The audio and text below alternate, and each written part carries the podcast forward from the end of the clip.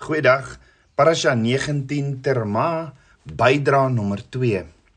Die versoeningsdeksel of die mercy seat is waar die hoofpriester ingegaan het eenmal 'n jaar en sewe keer die bloed gesprinkel het. Dit was die enigste stoel in die tabernakel en geen mens het ooit daarop gesit nie. Hoor wat sê Hebreërs 10 vers 11 tot 12 en, en elke priester staan wel dag vir dag om die diens waar te neem en dikwels dieselfde slagoffer te bring wat tog nooit die sondes kan wegneem nie, maar hy het nadat hy een slagoffer vir die sondes gebring het, vir altyd gaan sit aan die regterhand van God. Met ander woorde, die hoëpriester het nooit ooit gaan sit tot die werk, die laaste offer in die tabernakel klaar geoffer was nie, en wanneer hy die laaste offer geoffer het, het hy uitgeroep nikmar wat beteken it is finished en dan was die werk klaar. So hoekom het die priester nou weer 'n dier geoffer op die bronsaltaar? Dit was 'n skaduwee van dit wat kom en wat Yeshua moes kom vervul. Maar hoekom nie iets anders nie? Omdat die dier sonder sonde was en dit was die enigste bloed wat die prentjie kon teken van Yeshua wat sonder sonde geoffer sou word. Die bloed van die dier het nie krag gehad nie en was net 'n skaduwee van dit wat kom. So hoor gou wat sê Hebreërs 10 vers 11, maar hy Yeshua het nadat hy een slagoffer vir sondes gebring het, vir altyd gaan sit aan die regterhand van God. Let wel, vir altyd gaan sit is die Hebreëse konsep van die werk is voltooi. It is finished. En Yeshua ons hoëpriester se laaste woorde in Johannes 19 vers 30 was dit is volbring. It is finished. Yeshua het eenmalig sy eie liggaam sonder sonde gebring as offer en sit nou aan die regterhand van God die Vader. Sodra die werk klaar was, kon die hoofpriester gaan sit. En wat sê Hebreërs? Hy het gegaan en vir ons as hoofpriester nie met 'n offer van diere nie, nie in 'n tabernakel wat deur mensehande gemaak is nie, maar 'n hemelse tabernakel, ingegaan om vir eens en vir altyd te gaan betaal. En die oomblik toe dit gedoen is, toe is dit volbring. Yeshua het die versoeningsdeksel geword want hy sit aan die regterhand van Abba Vader en tree in vir my en jou elke dag. Dan as die woord praat van die gerubs of die cherubim op die versoeningsdeksel, dan sê die woord hulle is ook gegiet in goud en die een was aan die een kant en die ander aan die een was aan die ander kant gewees en hulle vlerke het uitgestrek na mekaar toe. Nou dit was die plek waar Abba Vader gewandel het tussen hy tussen sy kinders. En Psalm 80 vers 1 sê o herder van Israel hoor tog u wat Josef so skape lei wat bo oor die geribs troon verskyn in ligglans. Nou dis Yeshua wat die herder van Israel is en wat sit op die versoeningsdeksel wat alles kom vervul het. So wat sou gebeur as iemand die versoeningsdeksel weggeskuif het om te kyk wat in die ark is? As hulle die versoeningsdeksel geskuif het om te kyk, het hulle gesterf, want jy kan nie ingaan in verbond as jy die versoeningsdeksel Yeshua wil wegskuif nie. Nee, dis waar ek in intimiteit saam met Abba Vader wandel. Dis in Yeshua wat ek hierdie intimiteit saam met Abba Vader kan ervaar. Ek kan nie Yeshua wegskuif en dink ek gaan Abba Vader leer ken nie. So hoor gou wat sê Johannes 20 vers 11 tot 12. Maar Maria het buitekant by die graf gestaan en ween. En terwyl sy ween, buig sy na die graf toe en sien twee engele daar sit met wit klere aan. Een by die hoof en een by die voete waar die liggaam van Yeshua gelê het.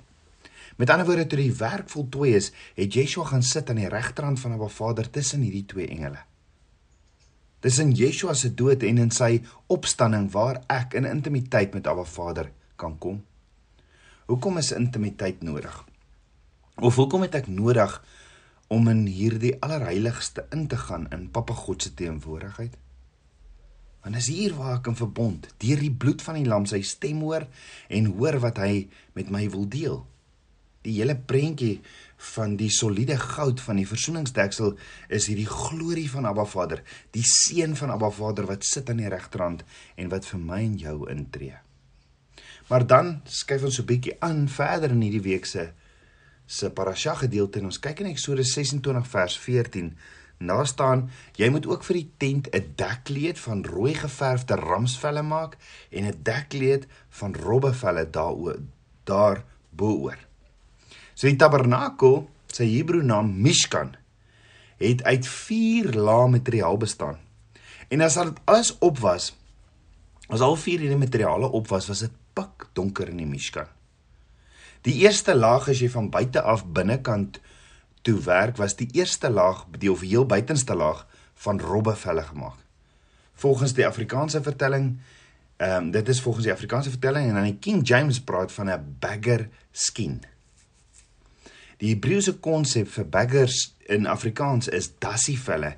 En as jy gaan kyk na die area waar hulle gewoon het en die area van die woestyn, dan is dit hoogs waarskynlik dat dit dassievelle was.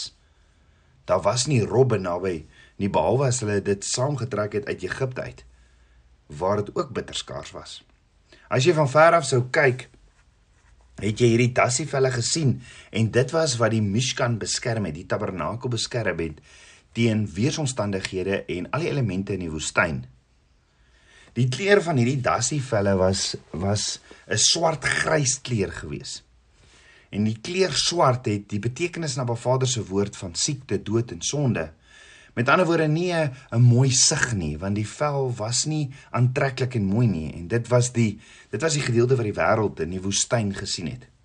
Dit is die enigste materiaal wat nie verskriklik waardevol was nie. Jy sien dit was net vir die priesters wat ingegaan het in Abba Vader se teenwoordigheid om die om die werklike mooi van sy teenwoordigheid te sien. Vandag is ek en jy die priesters want 1 Petrus 2 vers 9 sê maar julle is 'n uitverkore geslag, 'n koninklike priesterdom, 'n heilige volk, 'n volk as eiendom verkry om te verkondig die deugde van hom wat julle uit die duisternis geroep het tot sy wonderbare lig. So as jy van die kant af gekyk het, kon jy dalk gesê het Wat is die big deal? Dis nie iets wat nie baie waardevol is nie tot en tot en met jy ingegaan het. Dan het jy in hierdie plekkie ingestap wat die duurste vierkant per meter in die geskiedenis van die wêreld ooit gebou is. Jy sien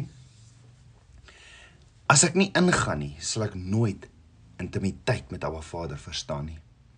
Dan die tweede laag van buite is van rooi geverfde ramsvelle.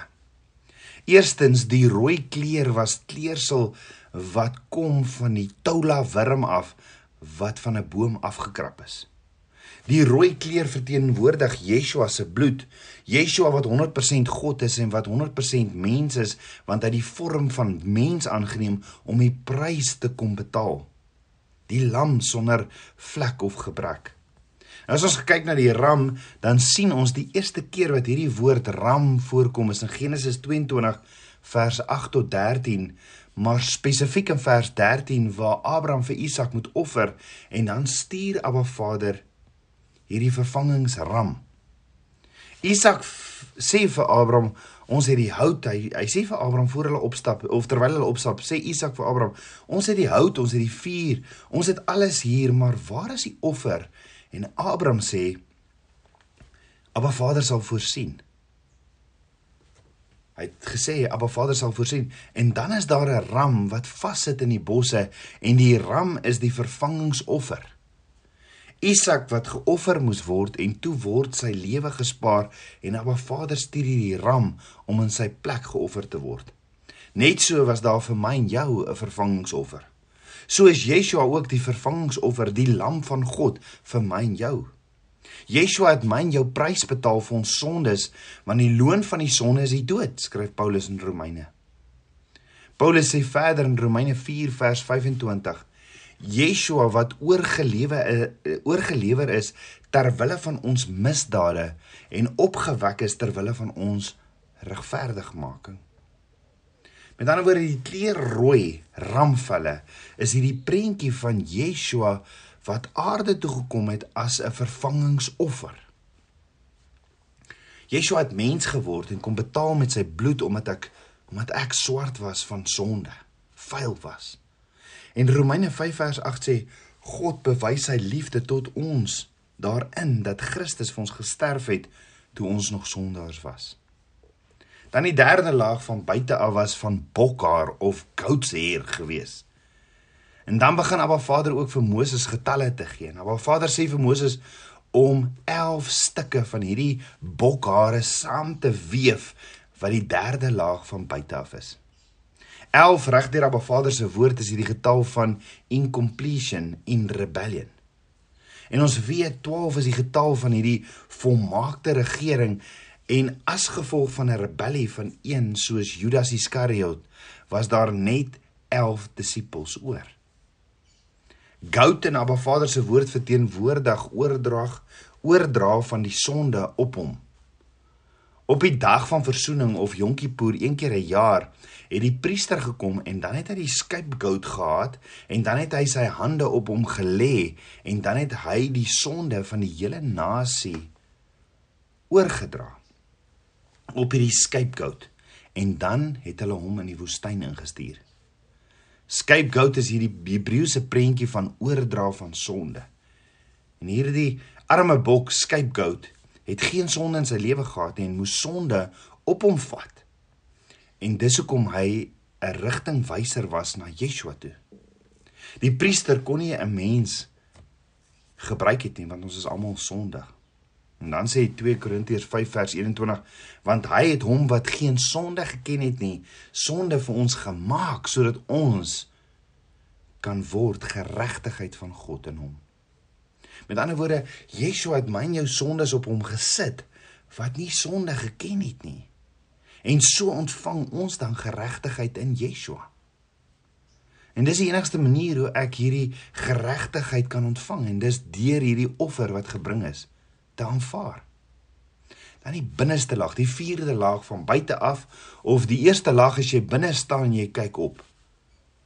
As jy die eerste laag as jy opkyk van binne af was van fyn dubbeldraad linne of fine twined linen. En ons weet hierdie fine twined linen was spierwit gewees in sy natuurlike vorm. Wit in Abba Vader se woord en in Openbaring 19 is geregtigheid. Met ander woorde weer eens Yeshua het in my plek gaan staan en my sondes was op hom gesit sodat ek geregtigheid kan ontvang. En hierdie wit linne is die binneste gedeelte van die tabernakel waar ons saam met Abba Vader kan wandel en fellowship saam met hom. Abba Vader sê in Eksodus 26 vers 1 en die tabernakel moet jy van 10 tendoeke maak van fyn dubbeldraad linne en pers en piperrooi en bloedrooi stowwe met grips as kunstige werk moet jy dit maak 10 stukke in blou en rooi gekleur en dan ook pers en die oorspronklike vorm, die spierwit kleur wat geregtigheid beteken. Hoor gou die prentjie van die kleure blou, Yeshua, wat beteken blou? Yeshua as God wat van die hemel is en wat mens geword het. Wat beteken rooi? Rooi is Yeshua se bloed wat gevloei het en wat die koning van alle konings is. Wat beteken pers? Pers is mos rooi en blou gemeng. En dan wit. Wat beteken wit? Wit wat hierdie geregtigheid is van Yeshua, sy reinheid. So wanneer Abba Vader se woord praat van Yeshua, dan praat die woord soms van die seun van God en soms praat die woord van die seun van die mens en soms praat die woord van die seun van Dawid wat hierdie koningshuis van Abba Vader kom. Dawid wat wat uit hierdie koningshuis van Abba Vader kom. En baie keer verstaan ons nie hoekom die woord Yeshua so verskillend noem nie. Maar kyk na die klere in die tabernakel, dan kan die name dan maak dit sin. Seun van God is die koning van geregtigheid. Suiwer sonder sonde. En dis die wit leer. Seun van mens, hy het mens geword, 100% mens en 100% God seun van Dawid, Yeshua was uit die bloedlyn van Dawid. Yeshua was die koning van geregtigheid want hy het geen vlek of gebrek gehad nie. Met ander woorde selfs die benaming van Yeshua lê in die tabernakel. En dan Openbaring 3 vers 5 sê wie oorwin sal bekleë word met wit klere en ek sal sy naam nooit uitwis uit die boek van die lewe nie en ek sal sy naam bely voor my Vader en voor sy engele. Met ander woorde, Yeshua sê hy wat sy naam bely, die wat sy naam bely voor Abba Vader, sal hy beklee met wit klere. En hy sal sy naam nooit uitwis uit die boek van die lewe nie. En hy sal sy naam bely voor sy Vader en voor die engele. Wow. Kom ons bid saam. Aba Vader, koning van my hart, Vader, ek loof en ek prys U. Vader, dankie dat ons in hierdie week kan stil staan met hierdie afdruk van die troonkamer wat gebou is. Dankie, dankie dat dat ek U kan nader deur die bloed van die lam en met U 'n intimiteitsverhouding kan hê waar ek U stem kan hoor soos Moses. dankie dat ek U hand Dankie dat ek hand aan hand saam met U kan wandel. Meer en meer van U. ek bid dit alles in Yeshua, Hom se naam, die seun van Jahweh. Amen. Shalom.